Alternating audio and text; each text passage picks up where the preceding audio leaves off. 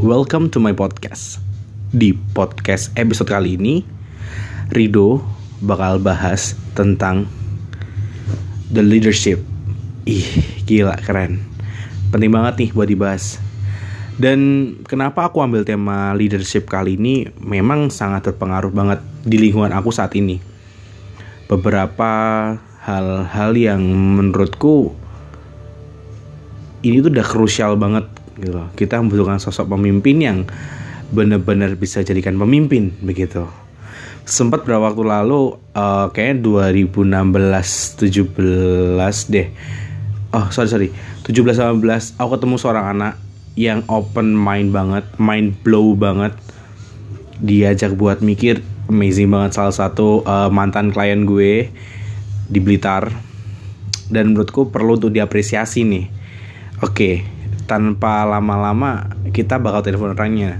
Ntar biar intro nih, biar intro sendiri. Oke, wait a minute. Halo. Halo, assalamualaikum. Waalaikumsalam. Masya Allah. Apa kabar, akhi? Alhamdulillah. Alhamdulillah. Nah, Mas, eh, ini namanya Mas siapa nih? Ini mau tak ajak buat ngobrol di podcast nih. Menurutku salah satu orang yang sangat-sangat hmm, bermanfaat lah nanti untuk bangsa dan negara. Amin. Amin, amin. Oke, nih intro dong Mas, intro Mas. Kenalan nih, siapa nih Mas? Oke. Nih, halo uh, pendengar setia podcast Pendengar. ya. Ini pakai bahasa Inggris nggak? Soalnya apa namanya nanti pendengar podcastnya juga barangkali ada yang dari luar negeri gitu. Anjir. Anu Mas, bahasa Jawa aja deh Mas. Bahasa Jawa, Sunda boleh deh, Sunda boleh. Ya, perkenalkan eh, saya Arif Yoga. Eh, sering dikenal sebagai Arifi. Saya asli Blitar, ya. Nggak usah formal-formal Mas. Santai aja gitu loh, ya kayak kenal sama cewek gitu loh. Yes, ya saya saya kawan lama gitu kan. Kla- kawan lama atau klien lama Mas? Oh, itu klien sekarang teman, Oh gitu, siap siap siap. ya kan? Halo Mas Adivi juga. Ini salah satu mantan klien yang jadi teman saat ini ya. Gimana nih kabarnya Bang? Ya alhamdulillah sehat kita walaupun di tengah pandemi ini kan. BTW posisi di mana nih Bang? Ini masih masih di Bandung bang. Oh, Kita mengikuti instruksi Pak Gubernur nggak boleh pulang kampung kita nggak pulang kampung. tuh gila gak? Omongannya tuh udah calon gitu loh ya, calon loh. Jadi Mas Arifi ini lagi kuliah di mana Mas? Saya kuliah di Politeknik Kesejahteraan Sosial Bandung dari sekolah kedinasan di bawah Kementerian Sosial. Jadi karena banyak yang nggak tahu sih makanya saya jelaskan gitu. Wis, masya Allah. Ini mantu idaman banget gitu loh yang cari gitu. Tuh. Yang gitu ini terbang kita nih kan. Siap. Mas Arifi kuliah di Kementerian Sosial mana Mas? di Politeknik Kesejahteraan Sosial. Kesejahteraan Sosial. Oke. Awal dulu kita ketemu karena apa ya, Vi ya? Karena project ya? Dulu, ya dulu itu kan apa? Buku tahunan kan? Buku tahunan. Hmm, benar benar benar. tahunan itu kelas 3 SMA Tapi kita nggak ketemu langsung, Vi. Aku ketemunya sama si Dava dulu. Baru dikenalin sama ketua OSIS kan ya kan? oh gitu Lah, oh kurang ajar dia. iya oh udah lama itu berapa tahun lalu itu Berapa ya 2000? Ketemu 2000 berapa sih Vi kita Vi? 2000 17 kayaknya Oh 17 benar 17 17 kita ketemu Oke oke 3 tahun lah ini Masya Allah 3 tahun ya Vi Udah gak ketemu ya Waduh Mas Arif ini dulu sebagai apa sih? Ketua OSIS ya? Dulu bertemu ketua OSIS sih udah dulu dulu tahu sih SD SMA 3 first impression dulu ketemu sama Arif itu kayak gimana ya? Eh sosok kayak pemimpin gitu loh, Dani kan. Ketemu sama Arifi yang bisa dibilang tangan kanannya sekolah gitu. Iya nggak? Kayak gitu juga. Kita cuma ah, pembantu aja sih, pembantu sekolah. Tapi sebagai pembantu Anda bisa menggerakkan kepala sekolah, Bapak Arifi. Ya itu bonus lah. Bonus. Salah satu anak kesayangan dari Bapak Budi, betul? Oh ya kalau itu jelas itu. Waduh gila, karena dia salah satu anak yang menurutku keren banget, istimewa. Dulu kenapa bisa milih jadi ketua OSIS, Vi? Dulu itu awalnya dari SMP ya. Dari SMP itu pengen masuk OSIS. Hmm, hmm. Pengen banget OSIS, daftar OSIS nggak diterima bang. Di SMP. SMP nggak diterima. Hmm, hmm. Waktu ya kita balas dendam lah, nggak mau lah kita gagal lagi di OSIS. Ih, keren. Keterima, langsung kita jadi ikut pemilihan. Hmm, hmm. jadi waktu itu alhamdulillah menang jadi apa namanya tingkat satu ya Hmm, hmm. satu SMA waktu tingkat dua kita nyalon Ya, alhamdulillah juga menang Menang, iya iyalah seorang Arifi gitu loh kan, bapak-bapak berwibawa gitu loh. Denger denger denger Dulu SMA 3 waktu ini denger-denger ya Vi ya. Denger-denger dari anak-anak OSIS tuh Kalau sama Mas Arifi kan Aku adalah SMA 3 Hah? Setelah kamu 2 tahun lagi eh, dua tahun di bawahnya masih handle nih. Sosok Bapak Arifi gitu loh Di hadapan anak-anak OSIS. Tuh? Parah. Eh, Teges iya. Kemudian galaknya parah. Asik iya Kalau udah masa profesionalitas Udah ampun deh sama Arifi Iya nggak? Bener gak sih Vi? enggak sih enggak. Itu tuh berlebihan aja sih. Uh. kita kalau enggak galak ya mungkin. Bapak sedikit agak congkak ya. Fakta realitas tidak seperti ibu Bapak. Kalau sekarang di kampus juga jabat juga jadi presiden denger-denger eh, nonton di Instagram jadi presiden juga nih di kampus. oh ya kemarin alhamdulillah kita juga coba ngelamar ya di Presma Hmm. siswa diterima juga sama kawan-kawan kemarin di perjuangan mahasiswa BEM Politeknik Kesehatan Sosial hmm, hmm. 2019 kita pensiun tapi ini bang Oh setahun doang Vi. harusnya setahun Hmm. tapi saya potong apa masa periode cuma setengah tahun karena ada salah satu gagasan kita kan untuk perbaikan periodisasi pengurusan organisasi Hmm. internal kampus kita cuma setengah tahun tapi yang sekarang setahun dan satu tahun Hmm, Cuma di- gitu. Bedanya apa sih Vi? Jadi Pesma sama ketua OSIS. beda dong kalau kalau apa namanya ketua osis mah karena memang kultur kita kalau dulu di SMA ketua osis sering kali kan dia yang ngurus event event event event gitu Hmm, hmm, hmm. ketika aku mahasiswa yang sambat ngeluh segala macam kita nggak punya kuasa beda sama di apa Presma ketika Mhm. kemudian apa ada mahasiswa yang mengeluh ya kita harus advokasikan itu melayani itu keluhan-keluhan itu yang kita nggak dapet di, ketika di jadi OSIS. Oh juga ya lebih luas lagi lah cakrawala kita kalau di Presma gitu kan daripada kota OSIS. Mah sempit kalau kalau dibandingin sama Presma. Oke. Lagi juga kota OSIS nggak bisa demo kan, Presma yang bisa demo. Wih, kan dari SMA ada bisa demo bapak. Anda paling hobi sama demo ya? Iya. Enggak apa itu event apa itu? Vera awalnya netral ganti Vera tuh ya kan? Siapa yang protes tuh?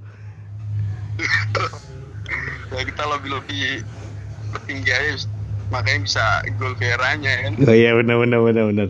Tapi Vi, kalau di Pesma itu kan jumlahnya sama nggak kayak di OSIS? OSIS kan 48 eh, 40 orang, 30 kan. Kalau Pesma berapa? Segitu juga? Ah, sebenarnya kan tergantung kampusnya pak. Hmm. Kampusku kecil, Mm-mm. kampusku itu cuma satu jurusan kala itu ya sekarang udah tiga jurusan Oke. Jadi berkata kampus kampusku itu satu fakultas doang bang gitu. Hmm, berapa orang tuh Vi?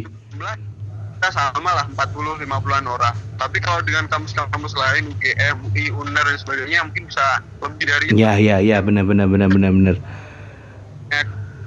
jumlah mahasiswanya Berapa jumlah mahasiswanya di Polkesma? Di Poltek Esos ya itu Hmm. kurang lebih sekitar 1006 eh, 1600 lah 1600 mahasiswa. hmm, tahu 400 orang mahasiswa yang diterima Hmm, 400 orang. Oke. Enggak memang dibatasi dari kementerian Mm, mm, mm, mm. tahun gitu jadi memang sedikit jadi yang ikut BEM-nya juga sedikit kemarin saya cuma 56 anggota termasuk Presma Wapres Oh, udah masuk apresnya. iya sudah termasuk Oke, oke, oke. Kalau dari kebijakan kemudian tindakan itu lebih enak mana, Vi? kalau menurutku lebih enak Presma sih bang karena kita bisa belajar banyak gitu. Karena kalau OSIS kan kesannya kita tak jadi event organizer SMA aja Mm-mm, benar, benar, benar. Apa namanya DM disnatalis undang artis segala macam Mm-mm, Nanti ketika apa namanya HUT kemerdekaan kita bikin lomba-lomba Hmm, gitu. jadi hmm, kayak hmm. misalkan kita event organizer gitu. Iya, benar sih, benar, benar, benar, benar. acara divisi perlengkapan Hmm. mahasiswa. tapi kalau di Pesma? kampus Hah? nah satu sisi ma- masalah kegiatan event-event kita tetap jalan gitu kan Mm-mm. tapi saat di sisi lain kita punya power gitu kan ada kita punya masa lebih kita juga punya tanggung jawab yang lebih lagi Mm-mm. sehingga ilmu yang didapat akan lebih banyak gitu, daripada di SMA dan cakupannya kan juga berbeda Mm-mm. kita mimpin orang dengan kader intelektual yang tinggi gitu kan daripada anak SMA SMA kan mikirnya mungkin main Iya, benar, benar, benar, benar. mungkin ada yang kritis ya bagaimana kemudian kita bisa memimpin orang-orang seperti itu dan supaya semuanya tetap bisa aman dan terkendali gitu kan Oke, benar, benar, benar. Tantangan, terus kemudian wawasan juga akan lebih banyak challenge-nya lebih berat loh daripada hanya sekedar Apa challenge-nya kalau di Pesma? itu bang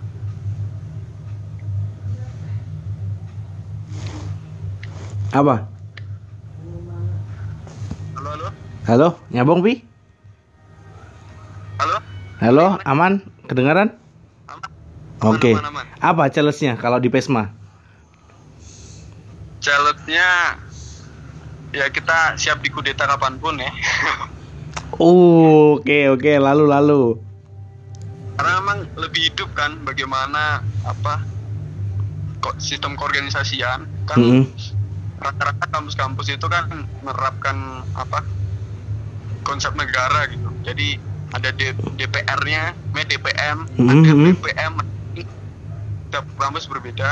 Mm-mm, Jadi kalau kita buat kebijakan, banyak yang protes, kita bisa di impeachment, kita bisa apa diturunkan, dimakzulkan. Itu, Oh itu gitu. Jadi udah replika banget kayak negara ya, Vi? Ya, replika banget negara. Hmm, Jadi ada Oke. DPM-nya, ada presmanya, pemilunya ya pemilu kita kampanye beneran mm-mm. dari lokasi yang lainnya. Ada politiknya juga mungkin kan. Ya benar juga sih. It- itu yang nggak ada di ketua osis itu. Mm-mm. Ternyata dulu kalau nyalon aja, yang penting punya visi misi beres itu. Benar benar benar benar. Harus disiapkan gimana apa namanya bangun komunikasi publik dari awal, Mm-mm. bangun tas, nah, panjang gitu. Oke, jadi Pesma ini lebih benar-benar sudah ke struktur untuk membentuk suatu eh, negara gitu ya.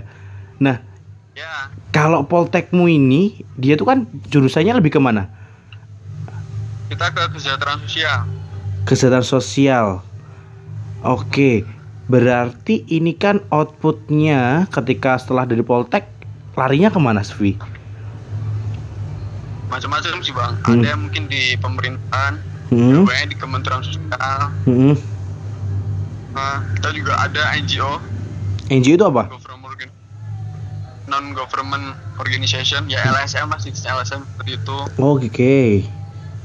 sebenarnya karena memang kita rumpun sosial jadi akan lebih luas kita nanti penempatan kerjanya jadi nggak hanya stuck di satu bidang itu Oh. kita bisa di mana-mana Oh gitu. Berarti Anda ini termasuk orang-orang yang beruntung ya karena jiwa-jiwa eh, organisasi kepemimpinan dan masuk ke Poltek ya termasuk eh, salah satu jalan yang lebih mudah gitu ya kan? ya ya bisa dibilang seperti itu sih bang Kalau dulu nih dengar-dengar zaman-zaman SMA kan mau jadi presiden nih, ya enggak? Ada kemungkinankah Bapak untuk jadi presiden? wah presiden mahasiswa mungkin yang saya maksud dulu Oh gitu ya. oh jadi presiden mahasiswa. Oh gitu. Oke oke oke. Padahal saya sudah siapkan kaos khusus loh buat Bapak loh ini. Ini. Kalau Mafis bisa jadi sponsor utama, kita siap nyalon ini. Oke. Tapi gini Vi, gini gini gini. Ini kan Arif ini udah di Jogja, kemudian eh di Jogja di Bandung. Di Bandung kuliahnya di eh, Polit Kesejahteraan Sosial. Oke. Kalau kita lihat kasus di Blitar sekarang nih Vi. Ngerti kan Ya. yang terjadi sana di Blitar kan? Kondisinya kan memang eh, Bapak Bapak wali kota kita kan saat ini masih digantikan oleh wakilnya. Benar nggak? Hmm, hmm.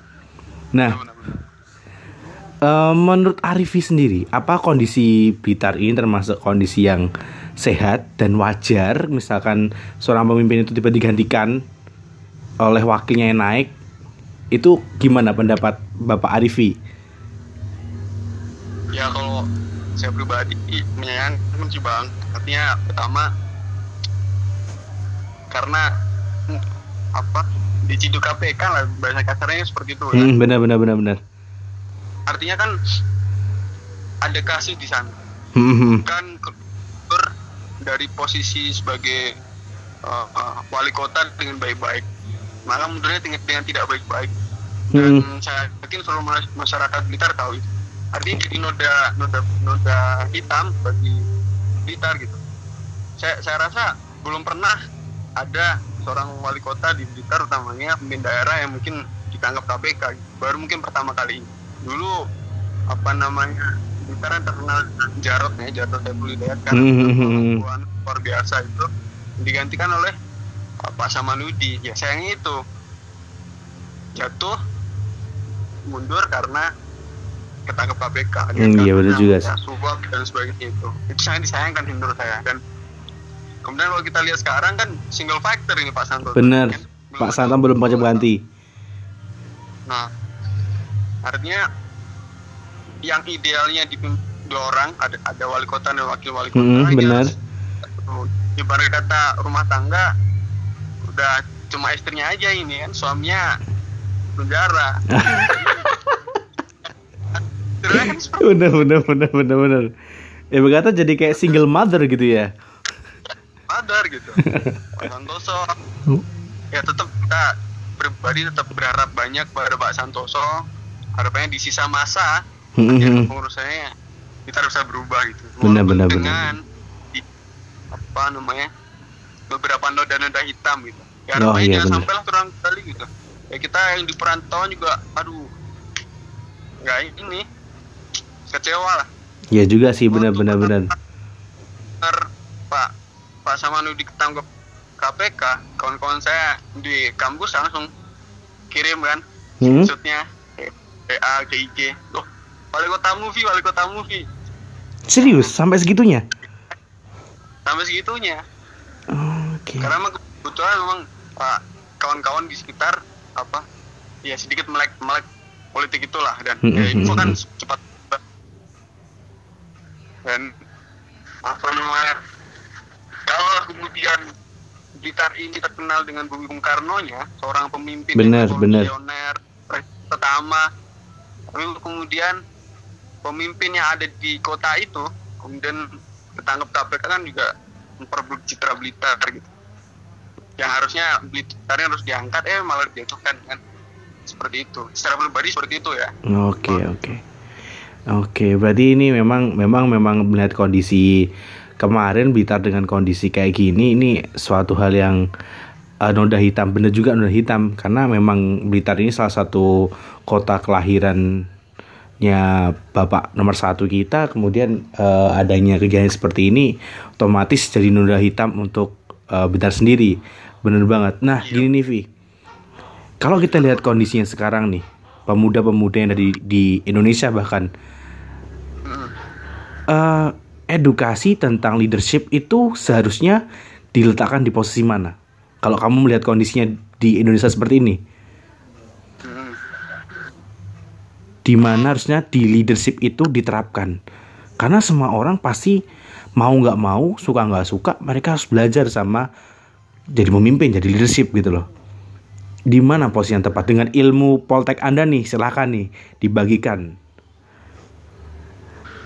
soalnya ada ada penelitian bang dari dari James Segman itu mengatakan bahwa pendidikan anak usia dini pendidikan ini itu akan memberikan investasi yang paling baik daripada investasi dari bentuk yang lain gitu. Jadi pendidikan apa pun termasuk dalam leadership harus diberikan sedini mungkin. Dari mulai PAUD TK SD itu dari mulai situ harus di apa namanya coba diajarkan. Supaya nanti outputnya dia akan jadi orang-orang dengan leadership yang baik. Jujur integritas dan sebagainya Hmm, yang kita hmm, hmm. harapkan. Jadi kalau menurut saya sedini mungkin. Jadi nggak bisa. Ini dikasih ke mungkin dalam apa namanya jenjang pendidikan dan dah dari mulai SMA saja. Karena mungkin nanti akan apa namanya menyongsong ke dunia perguruan tinggi yang dengan dinamika yang lebih eh, berat lagi nggak bisa. Jadi kalau saya pribadi ini harus dari awal, dari mulai PAUD harus dididik bagaimana cara memimpin da- dari TK, SD utamanya. Maka bagaimana kemudian berlomba menjadi ketua kelas lah minimal, memimpin. Sekarang kan pola-polanya kan bukan dua apa satu arah pem- pembelajaran, tapi bagaimana kemudian membentuk tim-tim kelompok-kelompok. Nah dari situ kan leadership muncul Oke, kasih tugas benar-benar. kan kasih tugas bagaimana nih ketua kelompok ditunjuk satu orang kamu ngerjakan ini kamu ngerjakan ini sebagainya nanti kita kumpul jadi satu kita pasti bareng-bareng. Dari situ sebenarnya leadership dimunculkan harus sedini mungkin. Jadi nggak bisa nggak bisa instan leadership itu. Karena kan kita bicara kalau bilang teori leadership itu ada yang Mhm. mengatakan leadership itu dari lahir bawaan dari lahir Mhm. ada yang mengatakan itu dibentuk. Dibentuk dari siapa? Dari lingkungan Oke, benar-benar benar setuju. nah pendidikan itu juga berperan penting nah masalahnya kan kita nggak tahu nih setiap orang ah, dia terlahir jadi pemimpin kita nggak tahu Benar, benar. Nah, banyak orang yang kemudian menjadi pemimpin karena memang dia dibentuk. Mungkin apa namanya kawan-kawan yang dari SD mau jadi ketua, ketua kelas, ketua kelas, ketua kelas, ketua ekskul, ketua osis, kemudian perjuangan mahasiswa dan sebagainya. Mungkin itu di- apa dibentuk, apa dibentuk oleh lingkungan karena lingkungan sekitarnya yang apa mengajarkan itu tentang leadership. Jadi kalau menurut saya pemimpin itu leadership itu dari sedini mungkin dari awal mungkin dari jabang bayi lah kalau bisa Iya, benar-benar setuju, setuju, setuju. usia dini karena anak-anak kecil itu akan lebih mudah dibentuk bang daripada Iya, benar. orang dewasa Setuju, setuju. logikanya kalau kita mau nebang pohon Hmm, kalau pohonnya tinggi 5 cm kita tebas saja mudah kan benar, Tapi benar. kalau kita nunggu udah gede udah diameternya 5 meter waduh susah itu motongnya kan Setuju, setuju. Ya, logika itu bang Setuju banget. Memang eh, aku dari 2017 ketika setelah dari kamu ya. Kan aku observasi nih ke semua ketua OSIS ketua OSIS yang ada di yang klienku lah. Ah ah, oke oke Faktor mereka untuk menjadi pemimpin tuh karena keterpaksaan. Ah, Bukan iya, iya. karena apa ya? Bukan karena emang ini tanggung jawab dan ini eh, suatu hal yang memang harus dilakukan. Rata-rata mereka jadi ketua OSIS karena memang mau nggak mau jadi suara terbanyak lah karena faktor keterpaksaan dari teman-teman yang menurutnya bisa jadi pemimpin padahal ketika dia action di lapangan pun satu lingkungan dia ketika menjadi ketua osis gak mendukung. Oke. teman-teman organisasi gak mendukung dia. Kayak cara cara berpikirnya. Atau kan ada nih ber- eh, ketika jadi pemimpin bisa jadi dia sebagai pendengar atau dia sebagai visioner. Ya nggak? Oke. kalau visioner kan dia bi- bisa melihat bisa melihat eh, masalahnya di mana. Tapi untuk orang yang belum punya kemampuan visioner dia kan cuma dapat info dulu nih dari rekan-rekannya. Ini parah banget sih. Jadi ketua osis ketua osis ini tuh eh, power mereka kurang. Ah, ah. jadi suara mereka tuh kayak cuma sebatas oh yang penting di sekolah ada ketua osis gitu doang. Udah. Ah, ah itu. formalitas bener formalitas doang kayak nggak ada. Jadi kalau menurutmu tadi ya kayak misalkan eh, memang harus dibentuk nih visioner nih dia kita punya planning ada program kerja kan pasti kan semua eh, mau PESMA maupun OSIS ada proker kan? Ah, pasti ada. nah si proker ini cuma sebatas ngikutin proker dari kakak kelasnya. Dan evaluasi tidak ada pembaruan dari program kerja. Ini yang tak pantau nih dari ketua osis yang yang pernah kerjasama dengan aku bahkan aku belum nemu sosok yang seperti eh, Bapak Arifi belum nemu nih Pak. Belum nemu nih. Dan faktanya yang terjadi saat ini pemimpin itu kebanyakan perempuan Bapak. Bagaimana? Oh, kita memang krisis laki-laki sekarang kan. Iya krisis. Ini cowok krisis. Krisis banget bener. Eh, Terlepas dari apa perdebatan agama, bahwasanya perempuan itu dan mimpi yang harus mimpin laki-laki ya terlepas dari itu semua kita program sekuler saja lah. Jadi kalau menurutku bang, Hmm. artinya itu memimpin itu kan panggilan hati. bener Jadi, setuju memimpin itu menderita. Jadi kalau kamu mau mimpin, kamu harus men- berani menderita gitu. siap Karena menderita bener lebih penting daripada anggotamu, lebih capek daripada anggotamu, mungkin bahkan akan lebih pulang lebih malam daripada anggotamu gitu. Karena memastikan semua harus beres dan. RT setuju setuju banget Nah, ya orang-orang yang tadi keterpaksaan, artinya tidak ada panggilan hati. Mm-mm. Makanya kerjanya ya asal. Yang penting kan ada, ya tadi benar formalitas ada. Yang penting ada ketua OSIS aja. bener bener Masalah nanti gitu.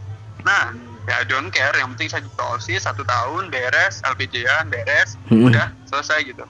Nggak mikir gimana ini organisasi mau dibawa ke mana, nggak mikir legasinya seperti apa, ada perubahan yang dibawa atau enggak, nggak mikir kan. Nah itu sebenarnya mungkin karena kurang persiapan dari diri pribadi dan mungkin juga lingkungan yang nggak membentuk mempersiapkan regenerasi baru gitu. Makanya Bener, para pemimpin kan bener ya PR pemimpin adalah bagaimana juga mencetak pemimpin yang akan melanjutkan tongkat estafetnya gitu. wah setuju gila parah setuju banget setuju setuju bener bener banget bener banget Nah, memang mungkin kalau nah gimana bang? memang kelihatan dari eh ini bukan sekedar melihat dari ketua osis ya tapi dari semua lini eh, entah itu perusahaan entah itu eh, rumah tangga entah mungkin itu RT RW lurah camat sekitarnya ketika kita memilih ini bukan panggilan hati. Setuju banget. Ketika kita ketika kita mem- eh, sudah memantap memantapkan diri jadi ketua eh, atau menjadi pemimpin ya kita nggak boleh asal-asal setengah setengah hati dalam melakukan gitu loh. Totalitas itu adalah bentuk dari diri kita sendiri gitu loh kalau kita bisa profesional dengan diri kita sendiri otomatis untuk hal apa pun kita bisa nyelesain hal itu dan yang terjadi di masyarakat sekitar Bapak Arifi ya ini tidak terlepas dari cuan Bapak masalahnya di situ Bapak Betul sekali. kalau mau jadi pemimpin duitnya berapa itu Bapak saya pusingkan gitu. Itu yang sebenarnya saya nggak setuju bang. Jadi contoh nih kepala daerah. Sekarang kan lagi demamnya kan mau pilkada. Gue setuju, setuju banget. Tuh banyak poster tuh depan Poster di mana-mana. Nah, di Blitar banyak poster Vi. itu di Blitar kan. Heeh. yang jadi wakil apa wakil wali kota sekarang mau nyalon lagi Hmm, bener bener bener bener bener wah banyak banyak banyak sekarang saya saya juga kemarin diskusi kan sama teman di Blitar gimana nih perkembangan di Blitar masalah mau nyalon segala macam? Banyak kan ternyata antrinya rame apa pesertanya rame Benar, benar. di kota maupun kabupaten. Nah ini yang yang yang menurut saya pribadi saya nggak setuju. Jadi mentang-mentang anda punya duit terus terkenal. Hmm, Calon hmm. aja. Jadi bupati gagasannya apa? Ya tidak tahu. Visi misinya kan normatif. Nanti setelah jadi nggak ada gebrakan-gebrakan jadi gitu tuh gitu tuh aja. Maka daerah nggak akan bisa maju. Karena dipimpin orang yang nggak nggak nggak dalam artian nggak nggak expert di bidang itu Benar, benar. pemahaman di situ. dan nggak nggak punya kapasitas di sana gitu. Dia cuma punya duit gitu loh. Dan pengen terkenal aja karena sebagai wali kota. Pengen dihormati mungkin.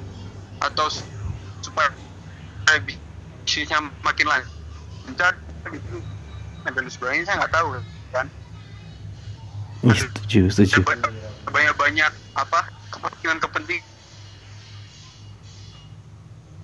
di sana.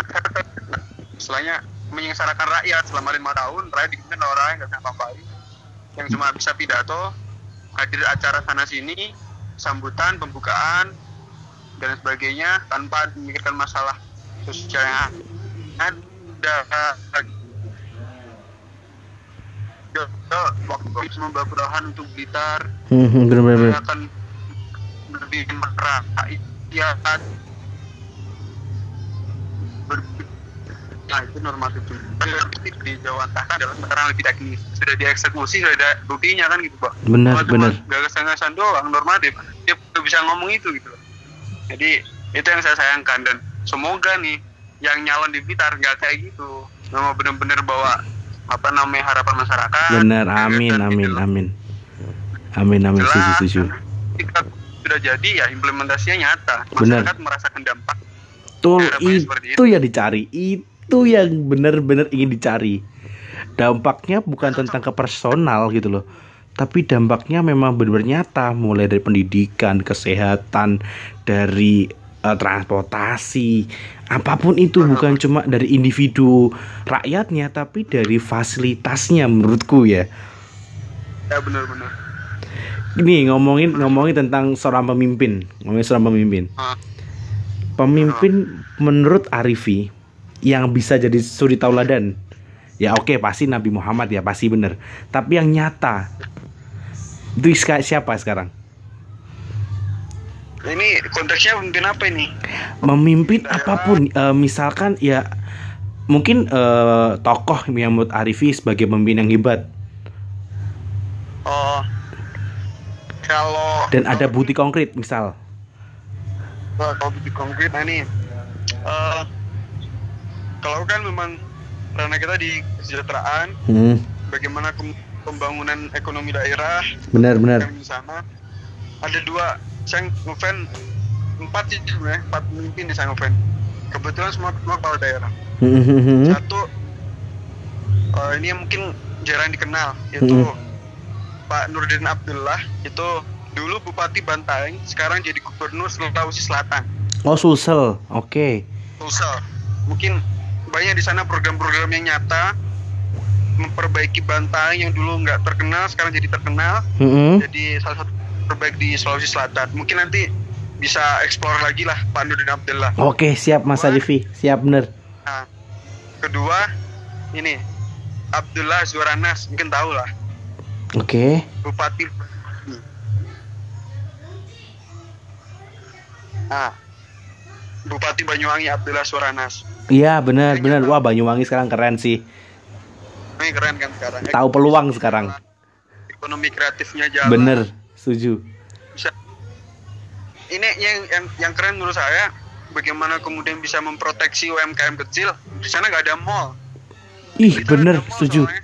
Daerah mall pasar tradisional kan deket banget. Hmm, Sehingga hmm. pasar mati. Kalau kan hasil habis kebakaran nggak tahu udah direnovasi atau belum tuh sampai sekarang. Bener Makanya bener. mati di sana ekonomi kecil rakyat. Tapi di Banyuwangi kan enggak. Salah satu yang nyata lihat data tingkat kemiskinan turun dari 20% jadi 8% keren gitu mah. Sumpah dalam berapa tahun Vi? apa Dalam berapa tahun? satu periode itu Satu periode turun sekitar 12%. ya satu periode lebih lah kan dia dua periode nih dari apa dua periode Pak Abdullah Suran Wah, keren keren kan. Bener-bener setuju setuju. Nah, dari kurang lebih 15 juta 35 juta mungkin datanya nanti akan lebih jelas di di internet mungkin banyak ya Hmm, Oke oke oke. Ketiga Ganjar Pranowo. Ya, Oke. tahu lah Ini eh, Solo punya nih, eh Solo punya, Semarang punya nih. ya Semarang punya Jateng punya ini. Bisa nggak tendensius ini Ganjar mau nyalon segala macam nggak nggak arah ke sana. Tapi secara pribadi saya setuju bagaimana kemudian pola komunikasi publiknya bagus. Setuju. serapan lewat Twitter langsung ditanggapi. Bener, kan keren. Bener setuju setuju. sikap leadershipnya kan keren dari mulai apa kuliah aktif di apa organisasi Mm-mm. terus kemudian jadi DPR RI artinya pengalaman leadershipnya nggak bisa di apa nggak nggak perlu dipertanyakan lagi bener Ganjar. setuju nih. Tuh. Lagi nanjar keren nih, setuju. yang keempat Basuki kayak Purnama kalau Hmm. saya ya Ahok Hmm, hmm. sangat yang melecehkan agama, menistakan agama segala macam itu urusan lain. Tapi yang yang terpenting adalah integritas. Bener. Seperti nah itu ya. Nah itu sebenarnya harusnya apa pemimpin di Blitar harus nonton Ahok sebenarnya nggak kena KPK lagi. Oh bener bener bener bener bener bener bener. Empat itu sih bang kalau menurutku Oke, pemimpin gila keren keren setuju Nah, setuju. sangat. Kalau itu di perspektif kepala daerah itulah. Oke oke oke. Tapi memang benar, memang benar. Semua itu bukti konkret. Eh tahun lalu waktu aku survei ngerjakan salah satu klien di Banyuwangi, memang lagi startup banget Banyuwangi.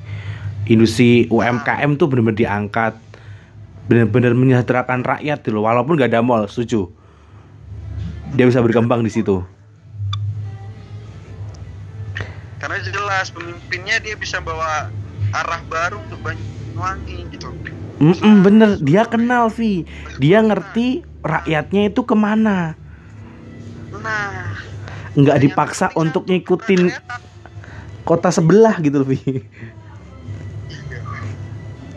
padahal lebih luas Banyuwangi daripada kota Blitar Yuk, setuju betul.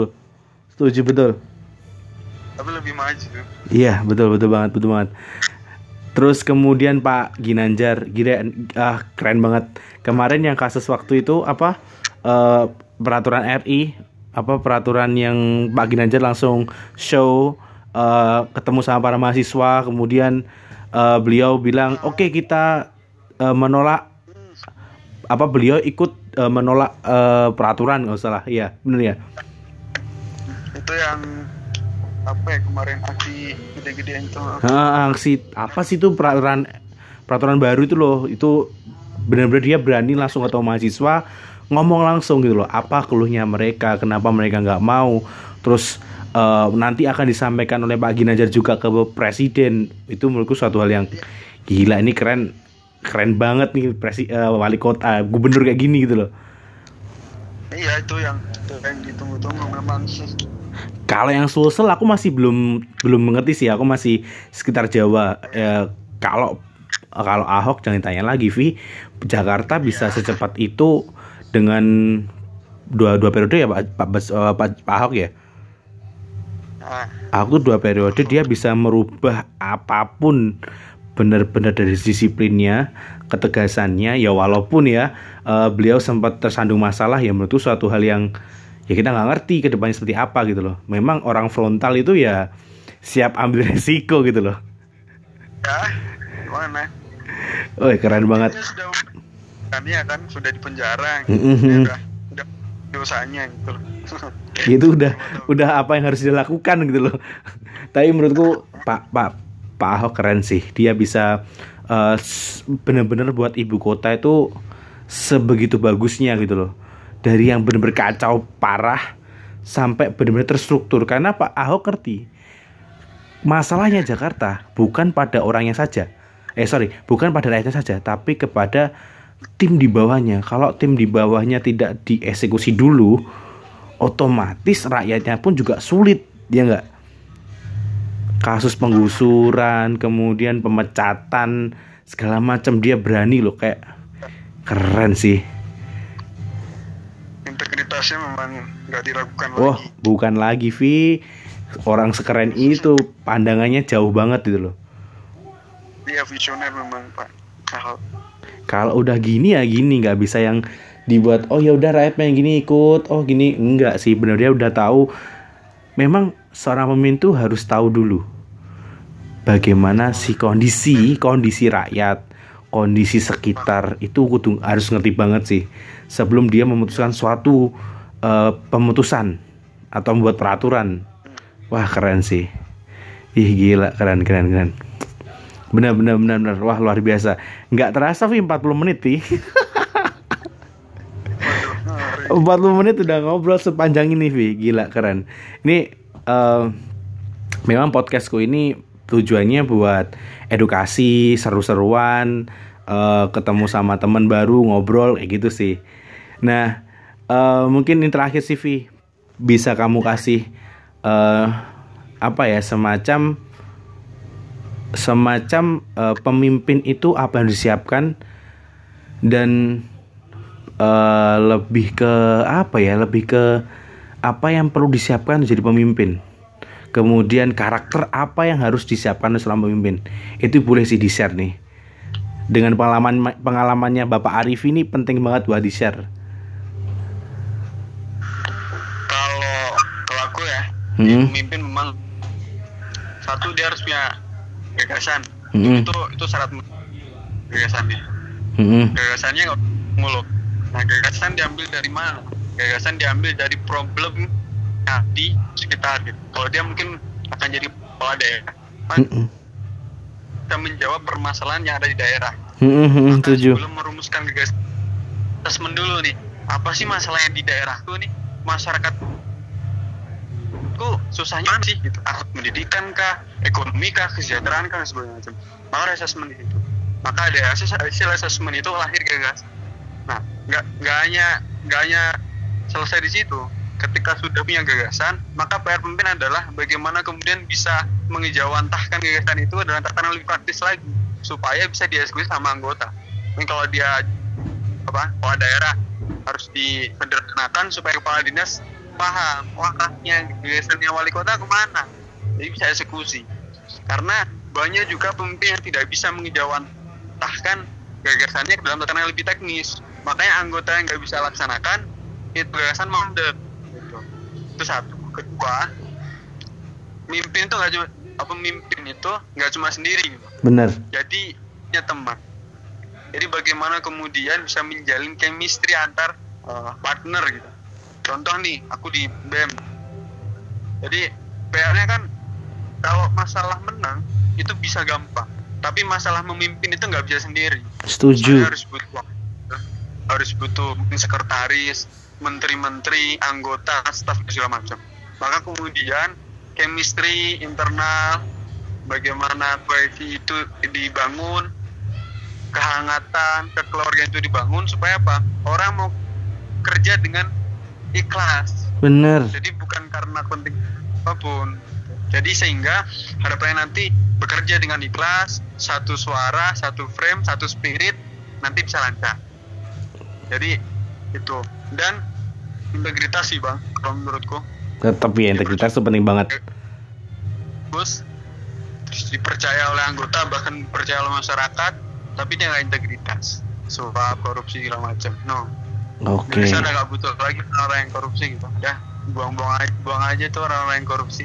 Pemimpin tuh harus punya integritas. Oke Gitu. Karena keren. itu, itu harus jadikan prinsip dia. Karena kan kalau jadi pemimpin ada banyak harapan yang dititipkan ke dia.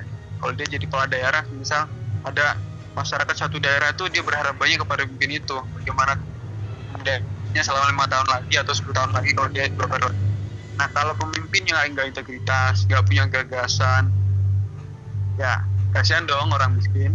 Kasihan dong rakyat rakyat miskin gitu loh. Orang-orang kecil.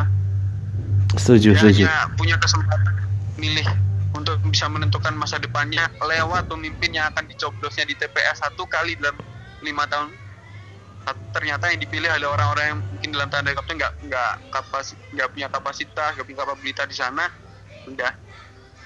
Hancur di lima tahun ke depan. Setuju banget. Setuju banget setuju banget. punya gagasan kembang trust internal dan pun kepada masyarakat. Itu sih bang kalau menurutku Ih. dari beberapa pengalaman di ketua OSI dan Presma kemarin. Ya mungkin apa namanya di diskusi dari, perspektif, per- perspektif saya pribadi bahwa mungkin kekurangan kawan-kawan yang lain mungkin dari Presma yang lain atau OSI yang lain mungkin punya pandangan yang berbeda dan jauh akan lebih luas dan ini kan dari apa namanya pemikiran saya yang mungkin masih masih bodoh ini kan miskin ilmu ini ya hanya cukup sampai segitu aja gitu bang Gila, keren keren keren. Lama gak ketemu makin makin dewasa aja Anda, luar biasa, masya Allah. Udah deh nih Blitar 2025 siap nih ya. aduh aduh aduh, aduh. ya kita lihat nantilah dinamikanya seperti apa Wah siap. Nanti kalau butuh eh, tim sukses nomor WhatsApp masih tetap kok mas, tenang aja. siap siap, siap. kita emang butuh tim media nih Oh, iya. tim media benar benar benar benar benar benar. Wah sip, thank you banget si Arif ini eh, obrolan yang bermanfaat banget. Memang ini wah luar biasa, suatu hal yang kecil tapi menurutku sangat bernama besar buat ya buat kita pribadi, buat lingkungan, bahkan buat negara pun ini juga termasuk hal yang sangat penting banget karena leadership itu bukan tentang satu orang tapi tentang individu masing-masing. Gila keren. Thank you so much Mas Arifi. Nanti kalau ke Blitar kabarin ya. Ntar kita ketemu ngobrol lagi lebih dalam gitu. Oke? Oke siap. Thank you Mas Arifi. Sehat selalu, semoga sukses. Semoga apa yang dicita-citakan tercapai di Bandung. Pulang bawa prestasi Arifi, oke? Thank you so much Arifi. Gimana? sukses terus buat Mas, Mas Ridho ini Waduh, siap. Thank you, thank you. Thank you loh ini. Makasih banget loh ini. gitu kan Oke. muda mudi Blitar kan ini kan diwujudkan kan ini gitu karyanya gitu. Oh iya bener. Amin, amin deh. Oke, thank you Arifi. See you next time. Kalau Blitar kabarin bener. Ini perlu ngobrol serius nih buat dibahas ke season 2 mungkin part 2 oh siap boleh nih. Oke oke, thank you Arifi. Ini udah udah malam nih, 47 menit. Gak kerasa ini, luar biasa. Thank you so much buat Mas Arifi. Thank you Mas Arifi. Bye. Thank you, thank you. Waalaikumsalam warahmatullahi wabarakatuh.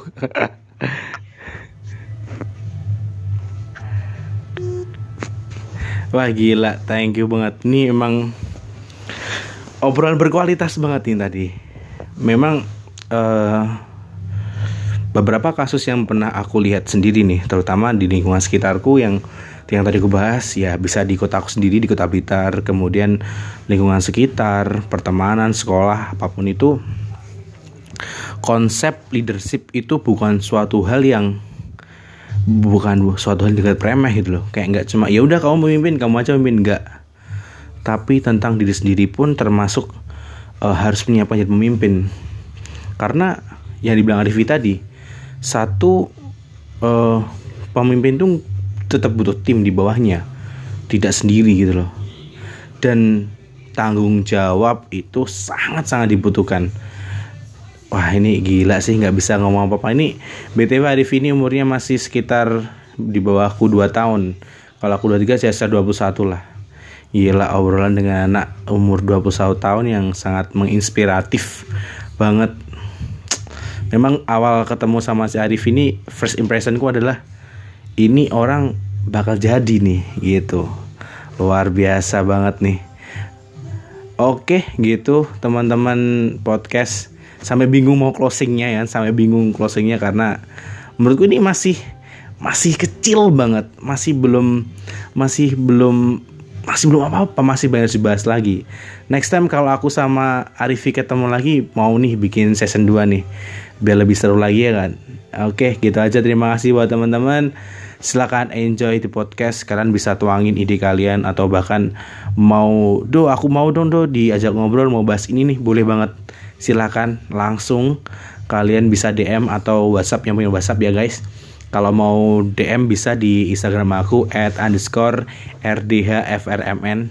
Kalian bisa share di situ mau bahas apa silahkan akan karena di sini konsepnya adalah membuka opini. Jadi semua orang itu membutuhkan teman buat cerita. Intinya di situ aja sih. Thank you so much buat teman-teman podcast. Terima kasih.